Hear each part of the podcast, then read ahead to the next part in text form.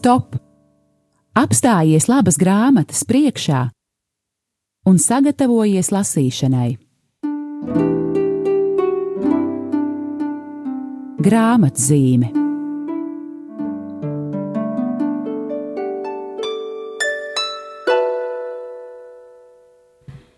Labdien, mīļie lasītāji! Bet tā kā mēs runāsim šodien par Svēto Francisku, es gribu jūs sveicināt ar Svētā Franciska sveicienu miers un labums. Diemžēl šajā raidījumā es viena pārstāvu gan e, izdevniecību kaleraksti, gan arī sekulāru franciskāņu ordeni, un e, tātad es vēlos ievadīt jūs vienā ļoti e, īpašā grāmatā, tā ir arī jaunākā, ko mūsu izdevniecība izdevusi, Kāpēc Francisks? Svētā Franciska ziediņi.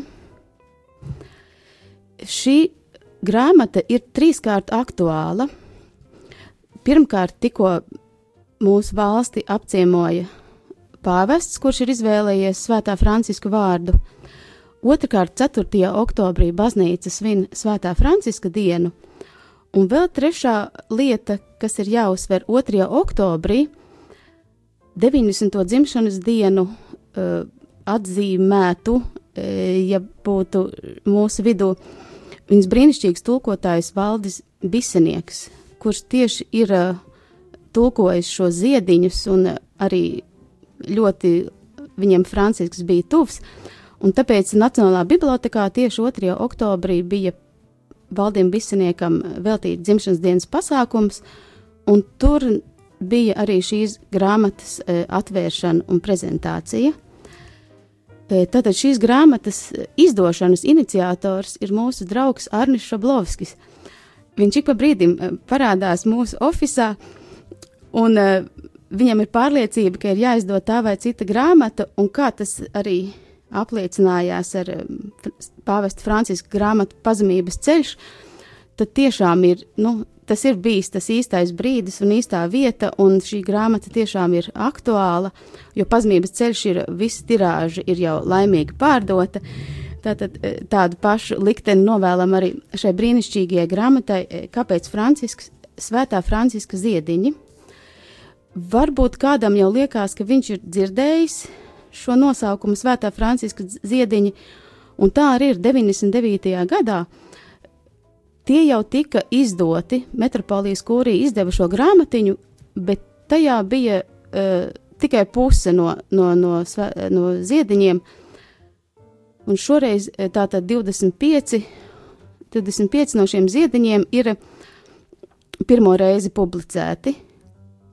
Lai saprastu, kas, kas šie ir par ziediņiem, ir noteikti jāņem vērā, ka Tas nav kāds vēsturisks dokuments vai Svētā Franciska biogrāfija.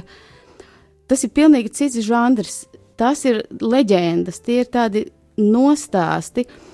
Nu, no vienas puses var likties, eh, vai tā ir bijis, vai tas ir izdomāts, vai, bet patiesībā tā jau arī par eh, latviešu tautas pasakām. Neviens vēsturnieks jau nepieiet eh, tā pilnīgi nopietni visām pasakām un nepārbauda, lūk, tur tas ezers eh, nokrita no debesīm, tā nē, tā nav patiesība. Jo tieši biogrāfijas, ja grib kāds iepazīties ar Francisku biogrāfiju, lūdzu, ir eh, Tomano Čelāno, Svētais Bonaventūra, ir eh, paša svētā Franciska raksti. Diemžēl latviešu nav izdoti, ir šādi tādi fragmenti atrodami internetā. Svētā Franciska paša rakstītas lūkšanas, ordeņa regulas, vēstules. Varbūt tieši tajās arī vairāk uh, atklājās tas, kāds, kāds Francisks ir kā cilvēks. Bet šie ziediņi par, par to autoru nekas nav zināms, bet apmēram vēsturnieki saka, ka tas ir uh, 13. gadsimts. Tātad uh, gadsimta pēc Franciska, ka viņa brāļi un varbūt arī kāds līdzgaitnieks vēl ir, tur ir apkopoti Franciska brīnumi. Un viņi ir tādā tik, tik vienkāršā, vienkāršā valodā, es domāju, Valdim Bisiniekam tulkojot, ir, ir izdevies, izdevies precīzi radīt tādu noskaņu, kā, kāda bija gribēta. Es uh, varbūt uh, mazam ievadam nolasīšu uh, pašu Arniša Blovska no ievada atzīmes, kas tad ir, tie, kas tad ir ziediņi. Ziediņi mums atklāja ko pavisam īpašu, piemirstu par cilvēka dvēseles skaistumu un dziļumu, un to baznīcas būtību, kuru dažkārt neskapēc tik grūti saprast, tik grūti ieraudzīt mūsdienu pasaulē un ikdienā. Pat ja mēs nespējam cienīgi sekot šai tīrības un bezgalīgā skaistuma pasaulē, tā tomēr mūs iedvesmo vēlēties kļūt labākiem, ja tai ļauj, ļaujamies. Ziediņi mums atnes kādu vissenāko, visautentiskāko, to seno dienu garu smaržu, elpu, kurā mums svētā Franciska personība spēja pieskarties ar visu savu maigumu un patiesumu Vēl arī daudz skaistu uh, ievadvārdu šajā grāmatā mēs varam lasīt, bet, lai saprastu, par ko ir runa, es jums nolasīšu vienu no, vienu no ziediņiem. Tad ļoti es izvēlējos īsāk, savādāk varētu visu dienu lasīt. Reiz brālis Maseo, gribēdams pārbaudīt, cik Francisks ir pazemīgs, zubu, zubodamies tam teica: Kāpēc pie tevis? Kāpēc pie tevis? Kāpēc pie tevis? Svētais Francisks atbildēja: Ko tu ar to gribi sacīt? Brālis Maseo teica: Es saku, kāpēc pie tevis nāk visa pasaule, un liekas, ka ik viens cilvēks alks tevi redzēt un dzirdēt, un tev paklausīt. Tu neesi skaists, tu neesi gudrs, tu neesi dišciltīgs. Tad kādēļ tieši tev visa pasaule seko?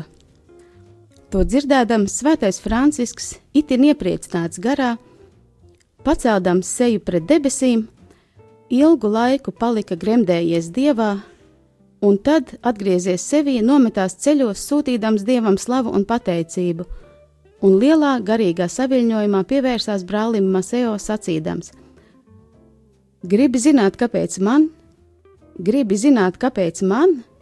Gribi zināt, kāpēc man visa pasaule seko? Tas man nāk no visaugstā dieva acīm, kas katrā brīdī vēro labos un ļaunos, tāpēc ka šīs visu svētās acis nav redzējušas starp grēciniekiem nevienu nicināmāku un nederīgāku cilvēku, nevienu lielāku grēcinieku par mani. Un tad, nu, lai darītu to brīnumu, ko viņš bija nodomājis darīt, viņš neatrada nicināmāku radījumu virs zemes un izvēlējās mani lai mulsinātu pasaules dišciltību un cēlumu, un stiprumu un skaistumu un gudrību, tā lai ļaudis apjēgtu, ka viss cēlais un labais ir no viņa un ne no radības, un ka neviens nevar sevi cildināt viņa priekšā, bet kas sevi cildina, lai cildina sevi kungā, kam pieder viss gods un slava un mūžīgi mūžos. Āmen!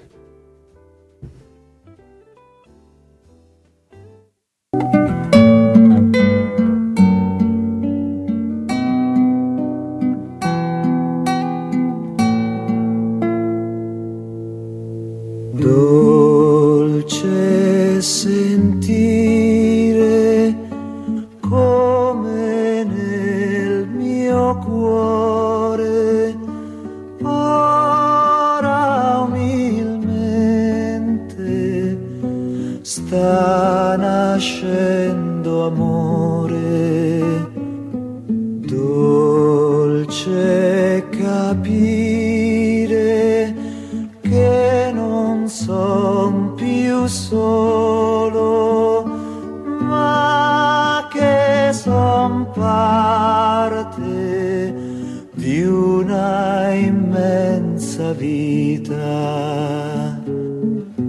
che generosa risplende intorno a me. Dove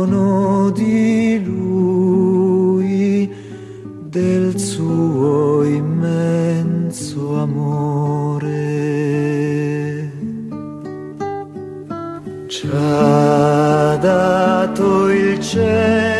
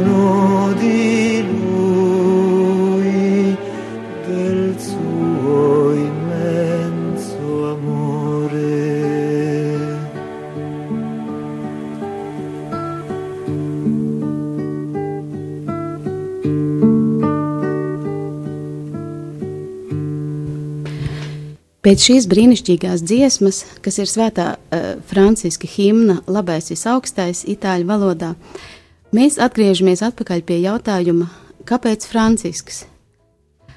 Šajā grāmatā ir ievadvārds, ko uzrakstījis priesteris Andris Marija Jerumanis, un viņš arī velk paralēlis ar uh, pāvestu Francisku un min iemeslus, uh, kāpēc uh, tieši šobrīd, kāpēc eh, baznīca pirmo reizi pāvests ir izvēlējies svētā Franciska vārdu, kāpēc viņam tas ir licies svarīgi, kāpēc viņam licies svarīgi aktualizēt eh, svēto Francisku mūsdienās.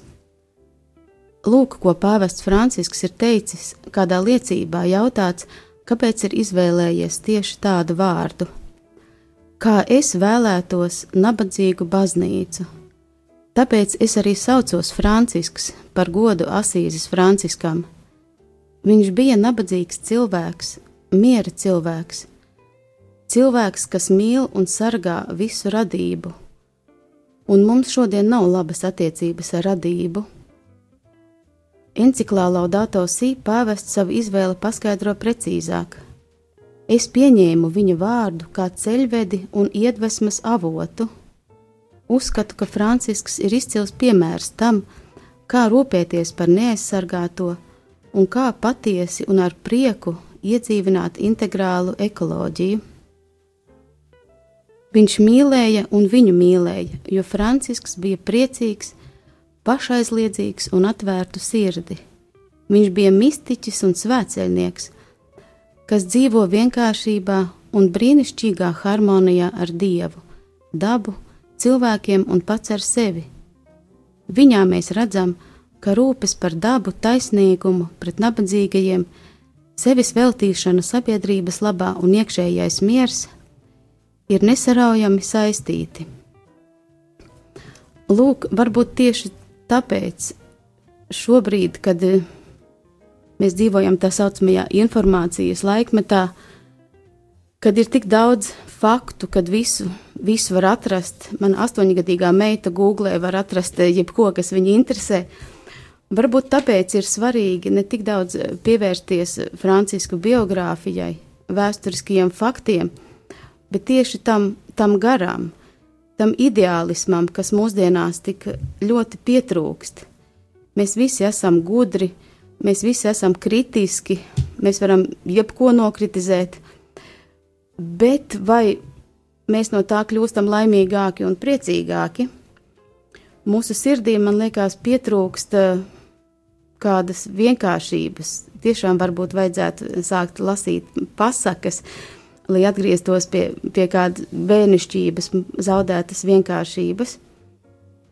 Internetā es eh, atradu Pētera Bankovska recenziju pirms gadiem 18 eh, par Kristiāna Bobēna grāmatu Visu zemais, arī par Svēto Francisku. Un viņš tieši saka, 20. gadsimts ir bijis skarbs tai ziņā, ka tas licis daudziem cilvēkiem izteikties ciniski. Pēc holokausta šausmām vairs nav iespējama dzēja. Kam vairs ir vaļa interesēties par Svēto Francisku, viņa brāļiem, zvēriem un putniem, par viņu māsu sauli, kam ir vēlme aizvarotais sevis vecā gadsimta smagos vārtus, nāvi saukt par māsu. Tomēr laikam jau daudziem, un viņš atzīst, ka joprojām gada no gada tiek izdoti Svētā Franciska raksti, grāmatas par Svēto Francisku. Un ļoti interesanti, ka katrā gadsimtā, katrā gadsimtā viņš ir aktuāls. Vēl es vēlos vienu no, no ziediņiem, lai jūs varētu uzklausīt un uh, sajust to valodas burvību un to vienkāršību, ko tulkotājs Valdis Bisinieks ir spējis uh, saglabāt šajā grāmatā. Reiz, kad svētais Francisks bija smagi slims un brālis Leons viņu kopa, Minētais brālis Leons blakus svētajam Franciskam lūgdams dievu nonāca ekstāzē un redzēja vīziju. Garā viņš tika aizvests pie milzīgas upes, platas un straujas. un vērodams tos, kas gāja upē pāri, viņš ieraudzīja vairākus brāļus, apkrāvušos nastām, brienam taisni iekšā šajā upē, un tūdaļ straumes nogāzti tie aizrijās ar ūdeni. Daži tika līdz trešdaļai upes, daži līdz pusē, daži gandrīz līdz krastam, bet visi viņi upes straumes un to nastu dēļ, ko nesa uz muguras, beigās krita un slīka. To redzēdams, brālis Leons juta viņiem līdzi, un pēkšņi viņam tā stāvot, lūk, nāk milzīgs daudzums ļaužu bez jebkādām nastām un smagumiem. Viņos mirdz vien svētā nabadzība, un viņi arī iebrien šajā upē un iznāk no tās ārā bez jebkādām briesmām. To redzējis brālis Leons atgriezās sevī, un kad nu svētais Francisks garā jūzdams, ka brālis Leons redzējis kādu vīziju, aicināju viņu pie sevis tam jautādams, ko viņš redzējis, un kad brālis Leons visu izstāstīja, svētais Francisks teica: Tas, ko tu redzēji, tā arī ir. Lielā upe ir šī pasaule. Brāļi, kas slīka upē, ir tie, kas neseko evaņģēliskajai mācībai, it īpaši attiecībā uz visaugstāko nabadzību, bet tie, kas šķērso, šķērsoja upi bez briesmām, ir tie brāļi, kas šajā pasaulē nemeklē nedz kādu šīs zemes mantu, nedz miesīgas lietas, un kam nekas nepieder, bet kam ir vien pieticīga iztika un pieticīgs apģērbs, un kas ir apmierināti, sekodami kailajam kristum zem krusta, un kas Kristus un visu svētās paklausības saldo nastu un jūgu nes priecīgi un labprātīgi, un tāpēc tie viegli no laicīgās dzīves ieiet mūžīgajā dzīvošanā, lai slavēts Jēzus Kristus un nabadzīgs Francisks. Āmen! Slavas lai kungs mūsu Dievam!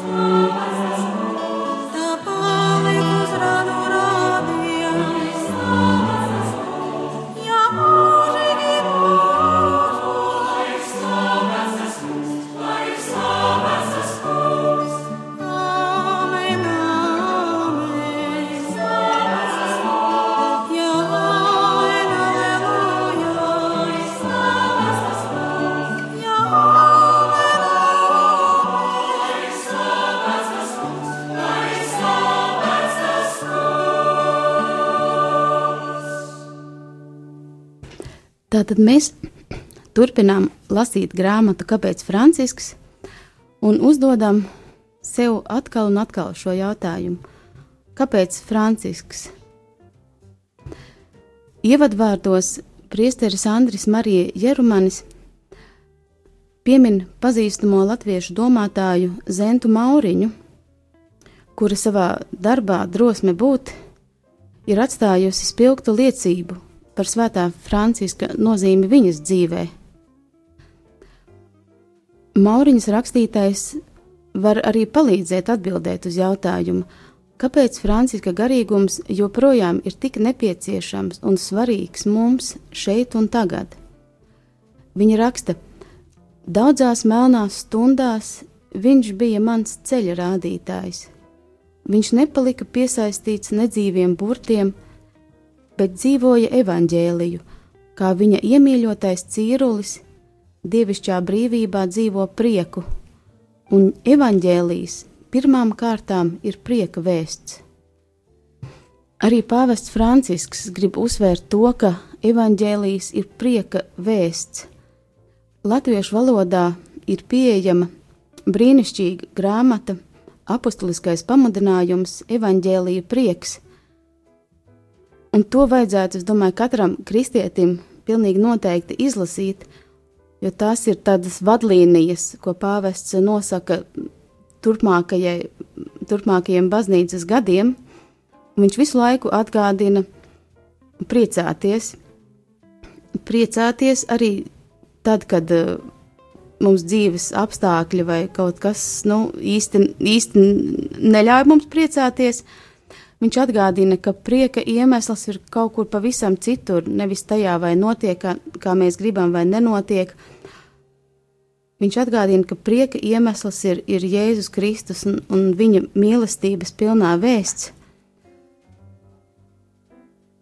Prieks, pavests raksta, prieks netiek izdzīvots vienādi visos dzīves posmos un apstākļos, kas dažreiz ir ļoti smagi. Prieks piemērojas un pārveidojas, bet vienmēr paliek vismaz kā cerības stars, kas dzimst no personiskās pārliecības, ka tiekam bezgalīgi mīlēti pāri visam. Es saprotu cilvēkus, kas ciešanu iespējā piedzīvo skumjas, tomēr ir jāļauj ticības priekam pamazām mosties, kā tikko manāmai, bet stingrai paļāvībai, pat visļaunākajās bēdās. Tātad, kāpēc Francisks? Ieklausīsimies Zentes Mauriņas atbildē. Ko svētais Francisks grib? Tā ir vienkāršākā un arī visgrūtākā lieta. Skaidri viņš to pateica pāvestam: Es gribu dzīvot evaņģēliju. To gribējuši arī citi. Tomēr kā izskaidrojama šī slimīgā vientiesībā ma mazizglītotā vīra noslēpums, kam jau dzīves laikā sekojuši tūkstoši un atkal tūkstoši? To daudzās biogrāfijas, visās kultūras valodās nav izdibinājušas, jo katra ģenialitātes būtība sevī slēpj iracionālu elementu. Svētais Francisks nav teorētisks jēdziens, viņš nav kādas filozofiskas sistēmas pārstāvis. Viņš mūs atpestīja no abstrakcijām, kas ar viņu saskaras, jūt viņa vienreizējās personības zīmogu Viņš pats ir savs labākais darbs. Frančisko leģendas ir reizē mīts, sapnis, īstenība, un tās sevī slēpj mūsu pašu dzīves būtiskumu. Tātad es aicinu katru, katru klausītāju pašu iegādāties šo grāmatiņu, atrast, aizņemties no kāda, palasīt un, un izbaudīt, izbaudīt šo, šo bērnišķīgo garu, šos francisku brīnumu aprakstus. Grāmatā ir 53 nodaļas, un katrs varēs atrast, eh, kurā brīdī viņam kādu gribās, gribās lasīt. Man ļoti patīk, ka tādi, katrai nodaļai ir apakšvirsraksts un pilnīgi, pilnīgi skaidrs, eh, par ko, par ko mēs varēsim lasīt. Piemēram, kā brālim Kurādo parādījās Kristus māte un svētais evaņģēlists Jānis un svētais Francisks, un kā viņam stāstīja, kurš no tiem izjutis vairāk sāpju Kristus ciešanu dēļ. Tas ir tikai ievads, bet var skaidri var, var saprast, par ko šī nodaļa būs. Cita nodaļa saucās par skaisto sprediķi, ko Asīzē teica svētais Francisks un brālis Rufino, kad viņi sprediķoja vai arī kā svētais Francisks uzzināja visu savu brāļu sirdsapziņas noslēpumus. Es tiešām ieteiktu katram eh, modernam mūsdienu cilvēkam atgriezties, atgriezties bērnībā, atgriezties pie šiem avotiem, lasīt šo grāmatu un ļauties tam garām, eh, atslēgt kritisko prātu, jo katrā nodaļā ir kaut kas tāds, pret ko gribās prātam sacelties, un nē, tas nav iespējams, un kādas tur pasakas. Ir daži, daži fakti, piemēram, kā Svētais Francisks pieredzināja Gubjo vilku, tie ir arī oficiālajās Franciska biogrāfijās. Šeit varbūt tas tiek pasniegts savādākā veidā, bet uh, es domāju, ka, ka nekad nav par vēlu atgriezties pie garīgās bērnības un uh, mēģināt ieiet šajā, šajā brīnišķīgajā Franciska garā. Jo Svētais Francisks ir, viņš ir otrs Kristus. Viņš dara to, ko, ko Kristus darīja. Viņš vienkārši mīl cilvēkus. Un es domāju, ka katrs cilvēks ir uh, patiesībā izslāpis pēc, uh, pēc mīlestības, pēc kādas vienkāršības. Uh, Jo tas ir pilnīgi skaidrs, ka, ka materiālā pasaulē, cik mums būtu labumi, bet uh, mēs nebūsim laimīgi, mēs nebūsim piepildīti un gribēsies skriet un kaut ko, kaut ko vēl meklēt, un varbūt kādam ir kaut kas labāks, un, un pēkšņi iznāk jauns telefona modelis, un es jau tā kā tāds uh, staigāju te ar, ar iepriekšējo.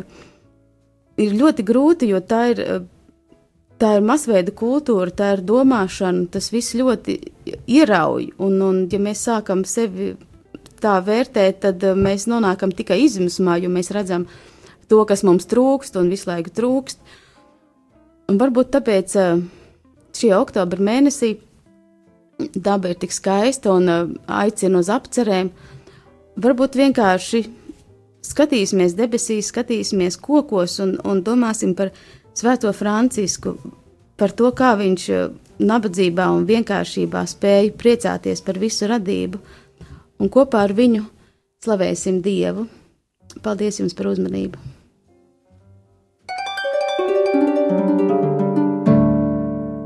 Stop! Apstājies labas grāmatas priekšā un sagatavojies lasīšanai. Grāmatzīme.